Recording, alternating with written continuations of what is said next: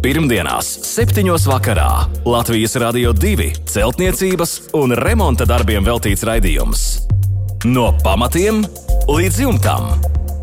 Ar padomiem un atbildēm uz klausītāju jautājumiem Latvijas Rādio 2 studijā - tehnisko zinātņu doktors, būveksperts Juris Biršs.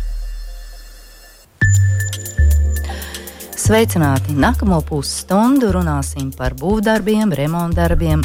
Studijā Inese un tehnisko zinātņu doktors, būveksperts Juris Biršs ir sagatavojis atbildes uz jūsu iesūtītajiem jautājumiem.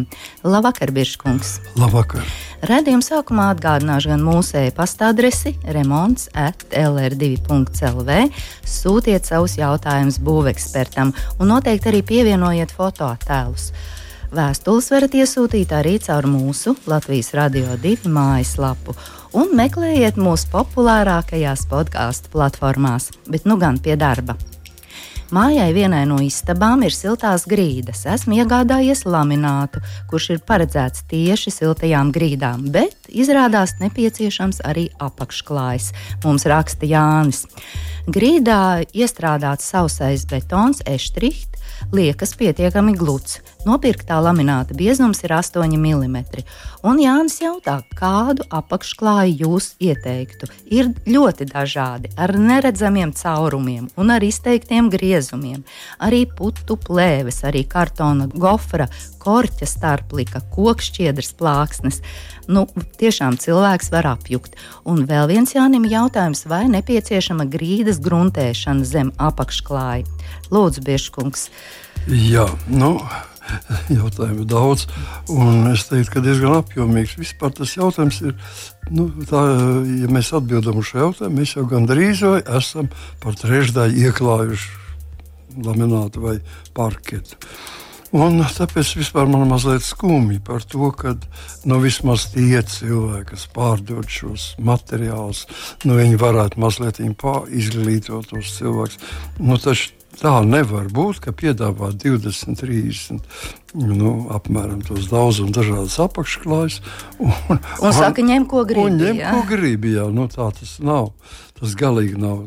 Tātad, Tātad vispirms ievadīsim kaut lietiņu, kaut kādu skaidrību, jā, kas ir kas un kāpēc. Jā, un tāpēc pirmām kārtām, kāpēc tas ir vispār vajadzīgs? Kāpēc mums vispār vajag apakšklāju? Kāpēc mēs nevarētu likt uz pamatnes uzreiz virsū laminātu parketu vai cits, teiksim, kāds grīdas materiāls? Un lietas būtība ir sekojoša. Pastāv divas fizikālas parādības, ar kurām mums ir jācīnās. Viena ir ārkārtīgi populāra un zināma, un mēs arī klausāmies šodien, pateicoties šīm fizikālajām mm, īpašībām, un tā ir akustika. Ja? Un akustika, lai mēs vieglāk, viegliņam nākam mājās vēl, nesatrauktu savu ģimeni, tad mēs uz pīrāgs galiņiem, ja, ar zeķītēm, ejam par to, par to laminātu, un tas lamināts nodevējs nokrakšķi, piemēram. Nu, tas nozīmē, ka kaut kas tur nav tā kā vajadzīgs, kā tam vajadzētu būt. Tātad tas pirmais jautājums ir par to, lai samazinātu vibrācijas, samazinātu akustiskus trokšņus, kurus varētu radīt. E, kas rada trūksni? Trūksni rada lamināts, tātad grīdas klājums, kustoties pa pamatnei. Un šajā gadījumā par betonu pamatu. nu, par betonu pamatu skaidrs, ka viņš kustēsies. Tad, gribot, negribot, mums radīsies augstākas vai zemākas nu, teiksim, toņu kādas krākšķi, krākšķi. Jā, nu, krākšķi ir svilpoņi, ir diezgan, diezgan tādas, eh, diezgan smalkas, bet ļoti nepatīkamas. Jā, viņas, šīs skaņas nav patīkamas, nav tāda, tāda mīļa čabēšana, bet ir diezgan nepatīkama griezīga skaņa. Nesevišķi stipra, bet viņa ir un diezgan bieži. Tas ir pirmais, kāpēc mums jāliek ir apakšklājas. Ir otra lieta, par ko diemžēl nu, zina varbūt tās tikai speciālisti. Arī no viņiem tikai īpašie speciālisti. Esmu lasījis daudz ekspertīzes, kur taisījuši ir vareni, vareni mm, prāti, un, un nevienu vārdu par to nav pieminējuši. Tad cenšas apiet. Vai nu tā, tad, tā ir tāda nedaudz sarežģītāka lieta un prasa izzināšanu. Tā ir tā saucamā materiāla, kapilārā mm, kondensācija, materiāla kapilārā kondensācija, kas ir īpaši bīstama pie betona, pie eštrīga betona, pie javu pamatnēm. Un cilvēkam, kas to nezina, viņš sakot, domās izsargāties tikai ar, ar šiem materiāliem, kuri ir domāti mm, akustiskām skaņas slāpēšanai vai teiksim, mīkstināšanai, nerastos kaut kādas stingras bērnu kustības, frikcijas starp laminātu un starp materiālu. Un tāpēc, tajā, šā, ja mums būtu tikai šāds, tad mēs pielietotu mīksto kokšķiedra plāksni. Brīnišķīgi, var pielietot. Mēs pielietotu tikai kādu no, no teiksim, no, teiksim, putu materiāla plānu vai mikro, mikro, mikro, mm, mikroporu, plāns. Ar pumpiņām ar ir tāda. Jā, jā. Nu, tas mēs varētu pielietot, un ar to pilnīgi pietikt. Bet redziet, ir vēl tā betona, tā, nu, sauksim, vietā, vārdā. Šeit ir betons apakšā. Tā ir betona kapilāra kondensācija, kur no diemžēl cilvēki nezina. Un ko tas nozīmē? Tas nozīmē to, ka betons jebkuros apstākļos, ja viņš nav absolūti hermetisks, un viņš nevar būt grīda, nav hermetisks. Ja? Tad pie viņa piekļūst klāt gaiss. Tad viņš uzņem no gaisa mitrumu. No gaisa uzņemot mitrumu, stāties priekšā mikroskopiska poriņa betonā. Betonā daudz to mikroskopisko poru samērā padaudz. Ļoti maziņa mēs ar aci neredzam. Un šajā mikroskopijā poriņā ir ielikās kā lai saka, visas molekulas, šeit nevis porā, bet apkārt šai porai, kur ir betons, cietā viela. Visas viņas ir savstarpēji saķērušas un stingri veido betona struktūru. Bet tie, kas ir uz robežas, pora un betons, viņiem viena ir puse apsaķērusies, otra brīva. Paliek pāri tāda, mēs saucamā tāda aktivitāte. To mēs saucam par virsmas virsmas uh, spraigumu. Bet mazajā poriņā viņa cenšas kaut ko sagrābt no kaut ko, bet tajā porā nekā nav. Tur nav ne puisīša, ne meitenītes.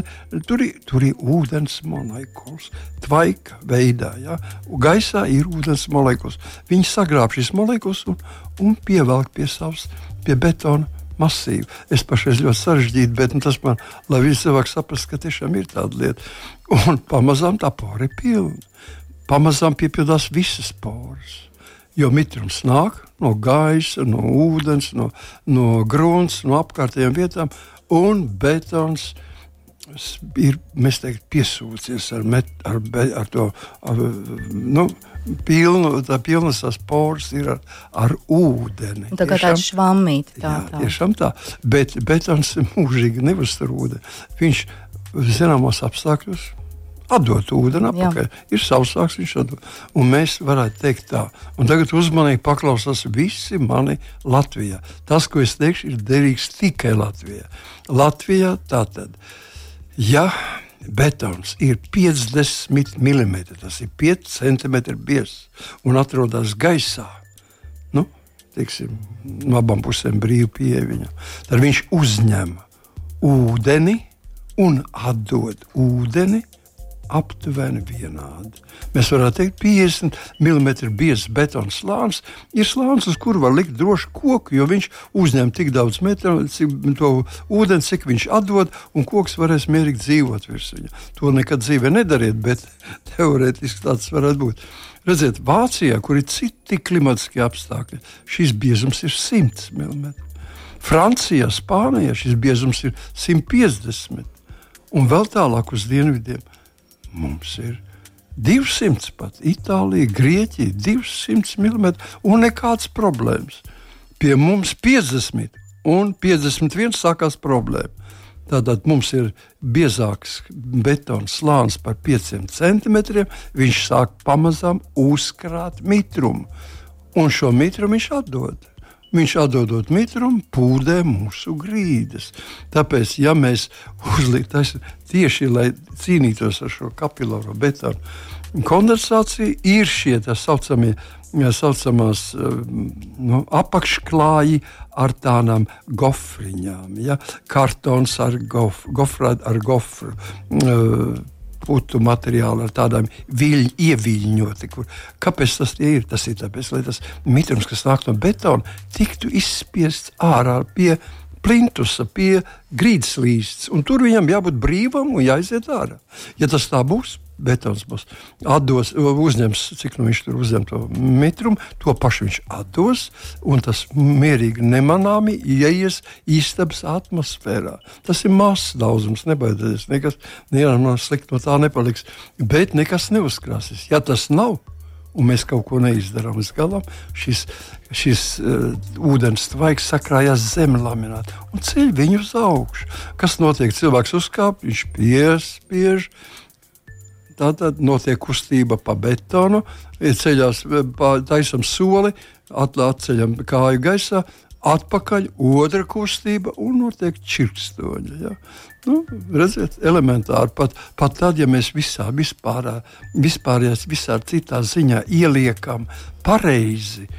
Teiksim, ar atstarpēm no sienas, pareizi, vispār ņemam vērā un aizmirstam šo faktu mēs esam zaudējuši. Mēs varam, varam būt ne tikai, nu, lielākoties tas ir trokšņs. Jā, lielākoties tas ir trokšņs. Tāpēc, ja mums ir betons, šajā gadījumā ir eštrih betons, es varētu no savas puses ieteikt, vai nu apakšklājam ir ekstrudēta putu polistirola Es pašai nepateikšu precīzi tās markas, nav tik svarīgi, bet viņas, viņas ir ar rieviņām. Ar rieviņām. Jeb visu noteikti ieteikt vislabāk kartona gofru kas ir nesaspiežams. Tas putekļu materiāls bieži saspiež, saspiežams un slikti strādā. Bet kartona gofra ir nesaspiežama. Elastīgāk. Jā. Es atceros no savas jaunības, kad vēl bija tāda, nu, Somijam bija tāds materiāls, tāda firma Ikopāls. Es nezinu, vai viņš tagad eksistē vairāk. Nē, es sen dzirdējis. Bet viņam bija tād, tāds. Uh, kartona veida papīrs, kas no vienas puses ir uh, bitumenizēts, un virs viņa vēl atrodas uh, korķa skaidiņas. À, tā kā drupačiņas. Jā, jā, jā. kā drupačiņas. Un viņš pie, ar tām drupačiņām pret betonu, un viņš brīnišķīgi laida cauri. Tas bija viens no labākajiem materiāliem. Dārgs, bet ļoti labs. Es pat ieteikšu vēl savādāk. Ja jums ir pirmais stāvs un apakšā ir pagrabs, un jums ir betona grīda, un jūs gribat likt virsū laminātu vai parketu, Viņa cilvēki liekam virsū telpisko geomembrānu, 8 mm pumpiņas ar ruļveida materiāls. Klājam viņu uz grīdas, klājam viņam virsū siltumizolāciju, tas ir to akustisko materiālu un liekam viss, kas vajadzīgs. Un tas būtu simtprocentīgi ideālais būs, variants. Tā būs 200%, bet no neviens negrib 8 mm celt augšā visu savu grīdu. Nu jā, pa daudz tas nu, jā, tad jādabūna tur mēbeles pārveidot, un durvju apakšvelēt un tā tālāk. Lūk, tāpēc es ieteiktu nu, katrā gadījumā e, izlietot materiālu ar šīm ejiņām. Tātad vai nu kartons gofra, vai putu materiāls ar gofru, vai, nu, ja ir pirmais stāvs, es pateiktu, nekas ļauns nenotiks. Būs 200% jums vienmēr savs. Ja jūs paklausīsiet apakšā telpiskā geomembrāna, un visiem šiem materiāliem jāiet ne tikai līdz sienai, viņiem jāpaceļas uz augšu līdz pašai eh, lamināta līmenim. Viņš nedrīkst tur galā kaut kur tikt aiz, aiz, aizbarikādēts. Viņam jāpaceļas uz augšu vēl, ja? mazliet centimetri, divi teiksim, pa sienu uz augšu. Viņš nav redzams, bez šaubām viņš nosacīts grīdas līdzi, bet viņš ir Tur, Bet jāpaceļ. Tas jā. ir ļoti būtiski. Tas ir ļoti būtiski, jo praktiski es teikšu, ka 99% to neievēro. Neviena firma, kas to dara, ne, viņi tāpēc, nesaprot šo šīs, šī apakšklāja īsto nozīmi. Jā. Jā, tieši tā. Skaidrs, Biržkungs, paldies par izsmeļošo atbildi Jānim un padomu. Nākamā mums ir Marits vēstule. Marīt mums raksta, veicam koka karkas mājas atjaunošanu. Grīdas un daļēji sienās ir arī iemitinājusies sēne, un Marita ir pievienojusi arī attēlu, šīs sēnes attēlu. Varbūt pēc tā var pateikt, kas tā ir par sēni. Grīdas tiek demontētas un interesē jaunais grīdas pīrāgs, tā veidošana.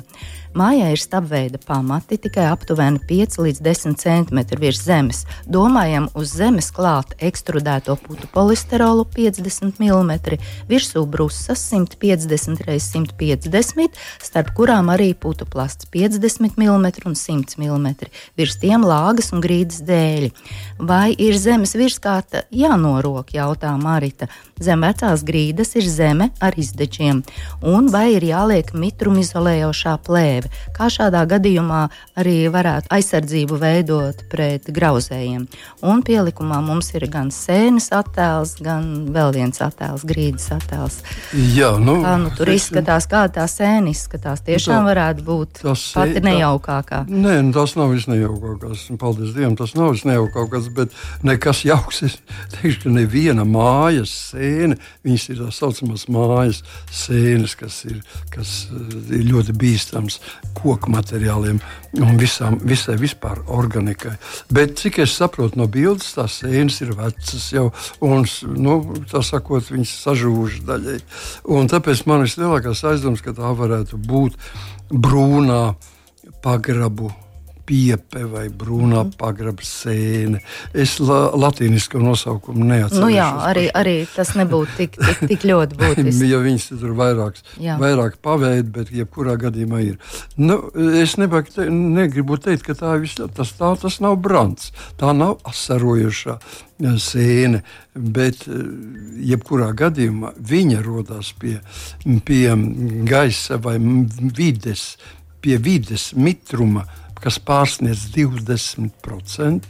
Nu, gaisā nevar būt tik daudz procentu, bet teiksim, pie vide, vide un koks vai, vai teiksim, šī starpkārta vai plastikāts, tātad parādās 20%. Viņi rodas un izmantojot šo mitru, viņi arī aug ēdot, protams, no jebkuru organiku. Un ko darīt? Ņemt nost, tīrīt, jautājums, dezinficēt? Ne, jautājums ir tikai tāds, redziet, ja rasa tā raudoša sēne ir ārkārtīgi bīstama un viņa arī radusies, tad viņa tālāk vispārējo tiek pati galā, tad šī sēne izbeidz ja samazinā mitrumu, viņa izbeidz eksistēt. Tas ir viens. Otram kārtam Viņa darbojas stingri lēnāk. Ja raudošais centrs ir brāns, noēd ēkai vienu stāvu viena gada laikā, tad nu, šī sēne, ja viņa ļautu pilnu vaļu un vislabākos apstākļus, arī tad viņa nu, teiksim, pa kādiem trim, četriem gadiem varētu tikt varbūt, varbūt galā. Tā kā, bet, sevišķi, bet to, ka viņa ir kaitīga, pat vēl nav ne mazāko šaubu. Un tātad, kas mums jādara? Pirmām kārtām pirms, kad mēs ieraugām šādu ainu, vai vēl trakāk, kad viņi ir svaigi, šī sēne, ka viņi vēl visā savā plaukumā, tad mums nekad nevajag turēties, ķerties viņai klāt. Mums ir jāņem īpaši tātad balinoša rakstura ļoti agresīvi antifugiciāli līdzekļi. Viņa veikalos ir vairāk kā vajag tieši uz chlora bāzes. Ja.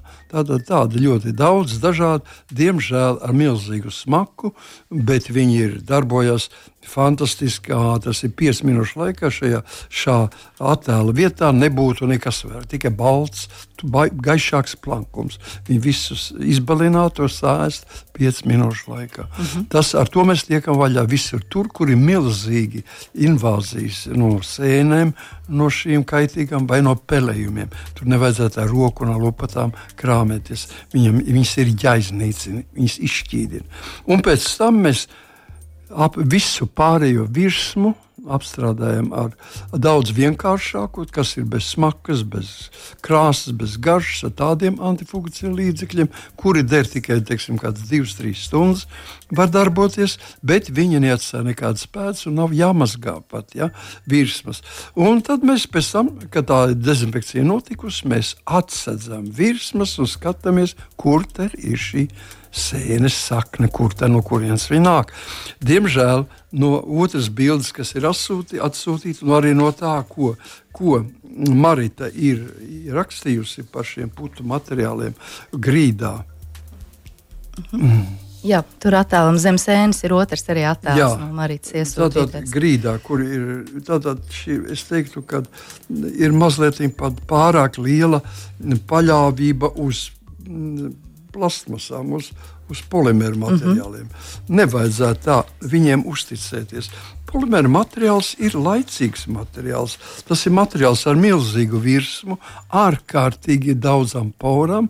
Un, ja visas tās virsmas saskaitīt kopā katrai porai, tad jūs saprotat, tas ir materiāls, kas ļoti ātri noveco un kas ļoti ātri uzliesmo. Viņa divas lietas, ko plasmas necieš, tas ir viņa veco un viņa deg. Ja, jeb kūst, mēs sakām, vienalga, tas skaitās pie degšanas. Un tāpēc grīdā veidot šos milzīgos slāņus, ar ko, uh, putu, ko iecerējusi, ir iecerējusi Marita, Marita es neieteiktu. Un ko jūs ieteiktu? Es ieteiktu bez, šau, pīrāgu? bez šaubām, ka virsējā zemes kārta jebkuros apstākļos ir jānoņem. Par to nav ne mazākā šauba. Ideālā gadījumā tur varētu būt izdeģi apakšā, tur varētu būt šķembas apakšā, lai tur neaugtu nekāda auga, auglīga. Un tālāk mēs veidojam it kā ārsienas konstrukciju.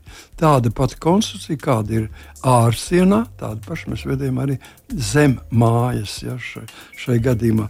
Bet es jebkurā gadījumā ieteiktu labāk atteikties. Nu, ja ir iespējas, tad balstīt tomēr šo grīdu uz grunts, nevis uz lagām, nevis uz stabiņiem kaut kādiem, bet, bet ja uz stabiņiem, tad jāpaceļ kārtīgi uz augšu, 20, 30 centimetri virs zemes, lai tur apakšā gaudo vējš un veidojam mm, šo apakšējo kārtu tieši kopiju mūsu sienai, un viss būs kārtībā. Ja mēs tomēr gribam veidot tādā veidā, kā to dara Marita, tad nu, uz galvenām lagām viņas paliek kā pārējās, mēs visu likvidējam. Mēs varam klāt virsū ekstrudēto putu polistirolu un uz viņa, tālāk uz viņa mēs veidojam gaisas praugu un tikai tad veidojās mums koka dēļi. Ja mēs to nedarīsim, koka dēļi sapūs. Un tur nav ne mazākā šauba. Par pie tam tas notiks ar izdevot visdažādākas pūles, smakas un tā tālāk. Tātad netaisam sev nepatikšanas. Mēs varam veidot šo siltumu slāni, ja mēs tā ļoti gribam, lai viņš tur būtu. Galu galā viņš ir zem mājas, mazāk no saules, bet jebkurā gadījumā viņš vecos. Tas nozīmē, ka viņam jābūt ļoti biezam, 20, 30 centimetri, lai tur kaut kas jums pēc desmit gadiem paliktu pāri. No siltumizolācijas materiāla. Materiāls jau paliek, bet tikai viņa siltumizolācijas īpašības ir nu, zudušas. zudušas jā. Un, un, un tālāk savienojumā ar tas ir gaiss, kas var izplūst telpā, un pēc tam seko grīdas konstrukcija. Mhm. Viss? Jā, paldies par atbildi Maritai. Pirmdienās, 7. vakarā Latvijas Rādio 2 celtniecības un remonta darbiem veltīts raidījums. No pamatiem līdz jumtam. Ar padomiem un atbildēm uz klausītāju jautājumiem Latvijas Rādio 2 studijā - tehnisko zinātņu doktors, būveksperts Juris Biršs. Turpinām ar arvo vēstuli. Kā veidot hidroizolāciju pazemes stāvu sienām? Cik dziļi zem grīdas līmeņa veidot hidroizolāciju? Un vai nepieciešama termoizolācija pazemes stāvu sienām? Šādi ir arvo jautājumi. Sienas visu laiku ir mitras, akmens māja, simtgadīga divstāvu mūža sēka ar pazemes stāvu, kaļķa pamati, viena stāvu platība ir 200 km2. Kādu padomu dosim Arvam? Ko viņam darīt, kā Jā, rīkoties? Nu, vispirms tāda vispārīga varbūt tas, jo tas jau jautājums arī interesē. Noteikti. Interesē daudzus. Tātad pieš, iespējas ir ko darīt. Aizsargāties no ūdeņiem, pazemes. Zem. Tātad mēs palienam zemāk par, zi, par zemes, par grunts līmeni. Tad mēs saskaramies ar mitrumu, ar ūdeni. Un šeit jāizšķir divi gadījumi. Vai nu mēs runājam par individuālā būvēšanu, par, par, māj, par dzīvojumu ēku būvēšanu, vai mēs runājam par industriālu ēku būvēšanu, par, par teiksim, nu, tādas vairāk sabiedriski divu stāvu, vairāk stāvu autogaražām un tā tālāk. Tātad šeit ir milzīga starpība. Es teiktu tā, ka Latvijā kamēr nebija šī uh, pazemes garāžas, nu, teiksim, ja māja atrodas, tiek būvēta uz vietas, kas ir ļoti ar augstu grunts ūdeni slavena, nu, un ja tur ir paredzēts taisīt vienu vai divus stāvus ar autogaražām, tad bez šaubām, ka mums ir jālieto ir ārkārtīgi smagas speciālas hidroizolācijas sistēmas, pie kurām strādā daudz pasaules slavenas firmas bet nevis tikai kaut ko pa, pasmērēt. Ja? Un otram kārtam, ja mums ir individuālā māja, tad arī ar visiem saviem pagrabiem. Tad es ne, pie, nu, tas ir mans personīgais uzskats. Es vienkārši uzskatu, ka ir divi veidi, no kuriem es nu, teiksim, dodu priekšroku vienam. Ab, tas pirmais veids ir, mēs nosmērējam visu mm, šo pazemes materiālu, šo uh, pagrabu sienu nosmērējam ar hidroizolāciju. Teiksim, ar īpašiem bituminizētiem sastāviem mēs viņus smērējam, nedodies vēl arī vēl siltinām un, un, un veidojam ūdens necaurlaidīgi. Un uh, ir otra iespēja, ka mēs nedarām neko tikai pie izgatavošanas vai jau gatavām ēkām atrokam un uzklājam virsmu telpisku ģeomembrānu, veidojot vertikālo drenāžu kur ūdens brīvi ieplūst iekšā, brīvi pāriet uh, tvaika veidā un izgaro ārā gar sienu un membrānu. Tas ir ļoti lēts, ļoti vienkāršs, ļoti praktisks paņēmiens, kas darbojas gadu desmitiem. Un, ja mēs atgriežamies pie hidroizolācijas, nu, tad eh, tā hidroizolācija var, ir tas, ir, kā, ko nozīmē hidroizolācija. Ar spēku neļaut ūdenim. Nā, ja mājā, tur, tur, jā, turēties virsū kā boxers, viņi turās virsū. Mm -hmm. Bet cik tā jau turēs, tomēr ūdens pēc gadiem vairākiem gadiem. Viņš kaut kur pārauž šo membrānu, un nu, atvainojas ne membrānu, bet pārauž šo hidroizolāciju. Tālāk mēs nevaram pat pateikt, kur tad nu viņš nāk, pa kuru pusi nāk iekšā. Tāpēc hidroizolācijas, būsim godīgi, mūsu tēva tēvi nepazina nekādas hidroizolācijas, izņemot koka darbu kur arī nesmērēja akmeņus ar koku darbu, bet koku smērēja. Un bērnu tāsis pie horizontālas hidroizolācijas, egļu mīzes uz jumta, krījas, nu, bet nebija nekādas, un iztikām gadu simteņiem. Ja? Tagad ir ņemam no, no no civilizētās rietumu rietum pasaules ņemam ārkārtīgi spēcīgas hidroizolācijas, bet mūsu apstākļiem viņas nevisai vienmēr ir piemērots. Un tāpēc es teiktu, ka šajā gadījumā. Nu, nu, atgriežamies pie sākotnējā jautājuma, cik dziļi. Ja? Jā. Tātad mūs interesē tikai līdz pagraba grīdai. Visa telpa, kas atrodas zem pagraba grīdas, nav mūsu kompetence. To, nu, tur interesēs, par to interesēsies kurmi, zemesvēži un vis visā tam līdzīgas būtnes, kas tur mājo. Cilvēks mājo virs pagraba grīdas. Tātad mēs e, hidroizolāciju vai arī to taisām tikai līdz pagrabrīdē. Un redziet, cik tālu mēs tagad esam nonākuši. Es kādreiz, kad braucu pa, pa, ar, pa, uz, pa lauku ceļu, vienalga, kur redzu, mājā būvē jaunbūvi, un cilvēciņš ar pindzeli krāso melnus pamatus no ārpuses. Es nekad nevaru, tā sakot, gandrīz nekad nevar pabraukt garām, es apstājos un prasu, ko tu dari. Viņš saka, vecais, tu zini, es nodarbojos ar hidroizolāciju. Es saku, bet tu apakšā arī pasmērēji. Nu, ko tu viņš saka? Kurš smērēja apakšā? Es saku, bet otrā pusē tam pamatam tu pasmērēji. Nē, nu, kāpēc? Nu, bet, es viņam prasu, kāpēc tu domā, ka ūdens ies pa to pusi, kur tu stāv?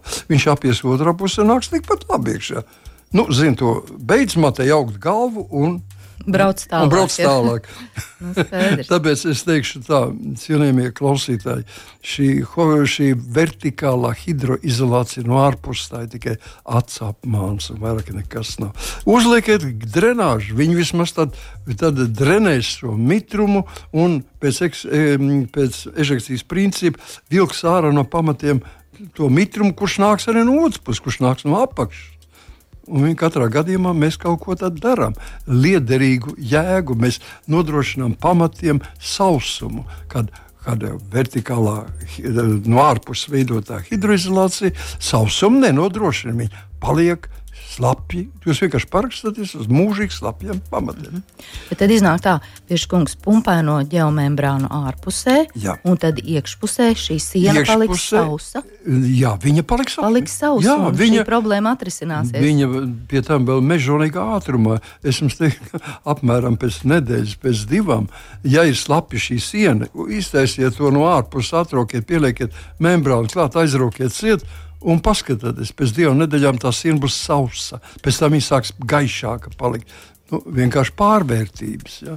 Un šāds, šāds paņēmiens der visiem pagrabiem, kuros sakrājās vasaras mēnešos ūdens pat līdz 15 cm augstumam. Mm -hmm. Ja ūdens sakrājas vairāk par 15 cm, tad jā, jāpielieto vēl injekciju metodas, un tad ir mazliet sarežģītāk. Bet līdz 15 centimetriem. Un, ja cilvēkam ir tikai mitrs sirds, tad tas atrisinās, atrisinās šo, šo problēmu. Jā, jā, paldies! No pamatiem līdz jumtam. Vēl mums jāpaspēj atbildēt uz Dāņu uzdotajiem jautājumiem. Vēlos koka guļbūvi apmest ar tā saucamo putu polistirola betonu, nu, kādus 15 cm, ar tiešu saskarsmi ar koku, katrā spraudziņā, katrā izliekumā. Vai to drīkst darīt un kā tas ietekmēs šo ēku? Katrā gadījumā sliktāk nekā jūs no ārpuses vienkārši uzklāta virsū patiešo guļbūvē akmens vati. Piemēram, nu, vienalga akmens vati vai stikla vati, minerālo vati no ārpuses. Mēs varam droši likt uz guļbūvu virsmu un viss būs kārtībā. Ja mēs veidojam šo, šo putu polistirola betonu, tad pirmkārt betons pats par sevi jau nav labs attiecībā pret koku. Tātad mums jau vajadzētu domāt par to, ka koku iepriekš vajag apsākt, piesūtināt ar, ar eļļu vai kā savādāk antiseptizēt.